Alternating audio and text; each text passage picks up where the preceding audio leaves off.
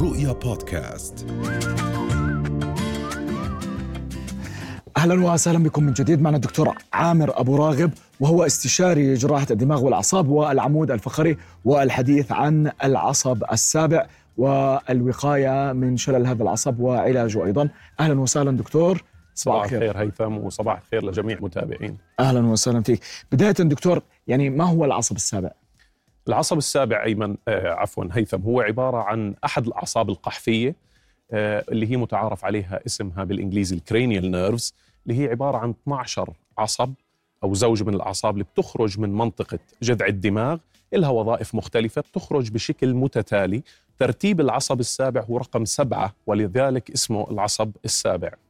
طبعا وظيفة العصب السابع السيطرة والتحكم بعضلات وتعابير الوجه. نعم. أهم هاي العضلات طبعا عضلة الجبهة الأمامية العضلات المحيطة بالعين عضلة الوجنة والعضلات المحيطة بالفم. وعشان هيك بسموه أيضا العصب الوجهي. تمام. طب دكتور لما نحكي إنه آه هذا العصب ممكن إنه يتأثر. شو الأسباب اللي ممكن تأثر على إصابة هذا العصب بأي نوع من من أنواع الأمراض أو الشلل أو يعني ال disorders هيثم إحنا ذكرنا إنه وظيفة العصب السابع السيطرة والتحكم بعضلات الوجه. وبالتالي نعم. شلل العصب السابع راح يؤدي لضعف أو شلل بعضلات الوجه. أنا بحب أقسم أسباب هذا الشلل لأسباب أولية وثانوية. بداية الأسباب الثانوية لأنها الأقل شيوعا وبنشوفها بشكل نادر بالعيادة هي لا تعتمد على العصب نفسه.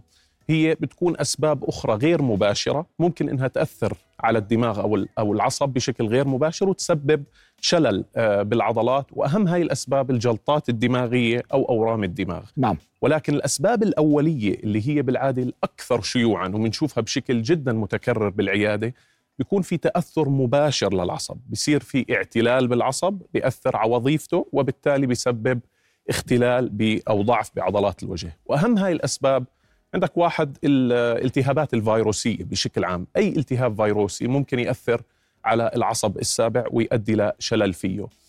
من الموروث الشعبي شغلة هيك ممكن تستغرب بنسمعها الناس بتحكي الانتقال من مكان دافئ لمكان بارد أو العكس بشكل مفاجئ ممكن يعمل شلل. وفعلا كثير من الدراسات أثبتت إنه هذا إشي بيسبب زي صعقة أو شوك للعصب وممكن يعمل تلف أو يعمل خلل بوظيفته بشكل مؤقت.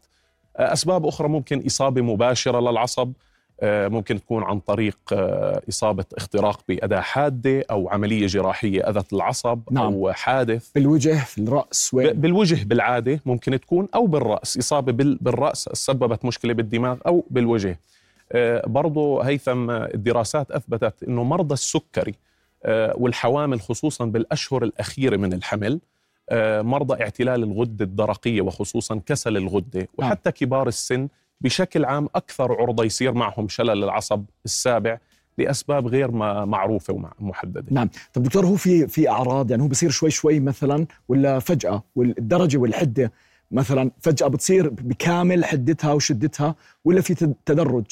يعتمد على كيف صارت الإصابة. م. معظم الحالات الأولية زي ما حكينا أو الأسباب الأولية اللي بيصير إنه معظم المرضى بيحكوا إنه الشلل بيصير بشكل تدريجي على مدى أيام. ممكن يصحى الصبح يلاقي شوية تغيرات بالوجه على مدى أيام هاي الشغلة تتطور تدريجي. طبعا إذا صار في إصابة مباشرة زي إصابة اختراق أو إصابة مباشرة للعصب ممكن يصير في شلل مباشر وبشكل فوري.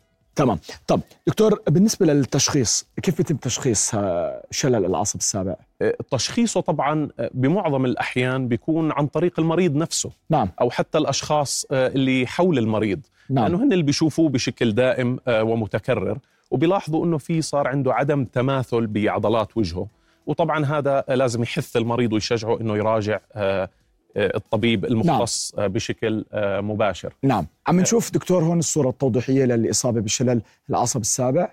صحيح. هاي هيثم عبارة عن صورة كلاسيكية لشلل العصب السابع في الجانب الأيمن من وجه المريض. طبعا بحب أنوه أنه مش شرط هاي العلامات أو المظاهر تظهر دائما على المرضى. كله يعتمد على شدة الإصابة ولكن لأسباب توضيحية بنحب نحكي كل العلامات. العلامة الأولى ممكن نلاحظ كيف المريض ممكن يفقد تجعيدة الجبهة الأمامية عنده. ممكن كمان يصير في تأثر للعين والتحكم بالعين فيصير عنده صعوبة بإغلاق العين بشكل جزئي أو كلي حسب شدة الإصابة. نعم. آه، خطوط الوجه الرئيسية ومعالم الوجه برضه راح تختفي. آه، راح نشوف كمان ميلان آه، في الفم وهذا بيأثر بشكل كبير طبعا على ابتسامة المريض. وفي كمان زي ما أنت شايف ازدياد في زاوية الفم.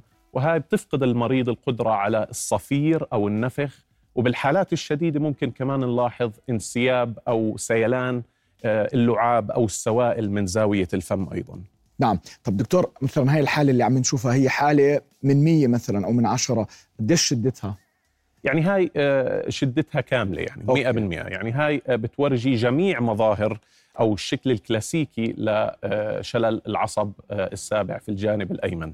تمام طب دكتور يعني إذا ننتقل شوي للخطة العلاجية أم، هل هناك أم، كيف شكل الخطة العلاجية بتكون هيثم كله بيعتمد آه، على إذا ال- السبب إحنا آه. آه. حكينا ببداية الحلقة إنه في أسباب أولية وأسباب ثانوية نعم الأسباب الثانوية آه، بشكل عام يجب علاجها بشكل جذري يعني نعم. إذا المريض تعرض مثلا لجلطة دماغية أو تعرض أو, أو اكتشفنا أنه عنده ورم سرطاني حل آه، ضعف العضلات راح يكون بحل المشكلة الجذرية. انتقالا لموضوع آه، الأسباب الأولية اللي هي بالعادة بتكون الأكثر شيوعا وأكثر زيارة للعيادة. آه، بالعادة لحسن الحظ بيكون العلاج تحفظي. أها. ومعظم الأحيان ما بيلزموا لا تداخلات أو عمليات جراحية. وهي بتكون عن طريق الأدوية والعلاج الطبيعي. نعم. طبعا الدواء التقليدي الكلاسيكي اللي بنعطى بهاي الحالة هو الكورتيزون. أها. والكورتيزون عبارة عن مضاد التهاب قوي. آه، بتم إعطائه للمريض ضمن بروتوكول خاص. نبدأ بجرعة مرتفعة ومنخفضها تدريجيا على مدى أسبوعين أو ثلاثة. آه، تزامنا مع علاج الطبيعي طبعا الفيزيائي اللي ممكن كمان يلجأوا فيه للمحفزات آه، الكهربائية للعضلات. نعم. طب دكتور لا ينتهي هذا الشلل إلا بانتهاء السبب ولا ممكن ينتهي الشلل والسبب لسه موجود ما تعالج 100% يعني زي ما حكيت لك لو الأسباب ثانوية زي مثلا الجلطات أو الأورام الدماغية لن ينتهي الشلل لحد ما تزيل السبب الجذري أو الرئيسي. أها. ولكن بالحالات الأولية اللي هي الأكثر شيوعا بالعادة الأدوية والعلاج آه، الطبيعي كفيلة بإنها تعالج الموضوع بنسبة ممكن تصل ل 85% خلال الأسابيع الأولى فقط. أها. وهي النسبة ممكن ترتفع ل 95% خلال الست أشهر الأولى. أها. فقط بالأدوية والعلاج الطبيعي. فبشكل عام الفرص ممتازة جدا لعلاج هذا الموضوع آه، بس بالأدوية والعلاج التحفظي. نعم. دكتور بنسمع أحيانا أنه ممكن يكون في آه، علاج بالجراحة. هل فعلا الجراحة آه، يعني option أو خيار موجود ولا لا؟ يعني شوف زي ما حكيت لك يعني بحالات وجود مثلا أورام دماغية طبعا الحل بجراحة أو استئصال الورم أها بالحالات الأولية آه، زي ما ذكرت لك 95% بيتم علاجها تحفظيا بالحالات الأولية ولكن بالحالات النادرة جدا اللي هي أقل من 5% اللي بيضل في بقايا آه، لوجود هذا الضعف بالعضلات أو الشلل ممكن اللجوء للاستعانة بالطبيب آه، الجراح ال- التجميل اللي ممكن يساعدنا بعمل ما يسمى بجراحة الابتسامة. نعم. وهي مش جراحة لحل المشكلة ولكن هي عملية جراحية تجميلية بس لتخفف من وطأة آه، الحالة. نعم. طب دكتور في أي طريقة ممكن إنه الأشخاص آه، يقوا أنفسهم من هذا الشلل؟ آه، يعني معظم الحالات اللي بتحصل طبعا بتكون ما إلها سبب واضح أو معرف وبالتالي ما في أسباب واضحة أو أشياء ممكن نتجنبها. نعم. ولكن آه، مثل ما حكينا نحاول نتجنب آه، إنه ننتقل من مكان دافئ لمكان بارد أو العكس بشكل مفاجئ. نحاول دائما إذا لاحظنا على وجود أي علامات بسيطة آه، لشلل الوجه إنه نراجع الطبيب بأسرع وقت ممكن لأنه أثبتت معظم الدراسات إنه العلاج المبكر بيعطي فرصة كثير عالية بالتخلص من هذا الشلل وعلاجه بشكل كلي دون مضاعفات آه، ودون أي أعراض جانبية. نعم جميل جدا. بدي أتشكرك دكتور عامر جزيل الشكر على وجود حضرتك معنا.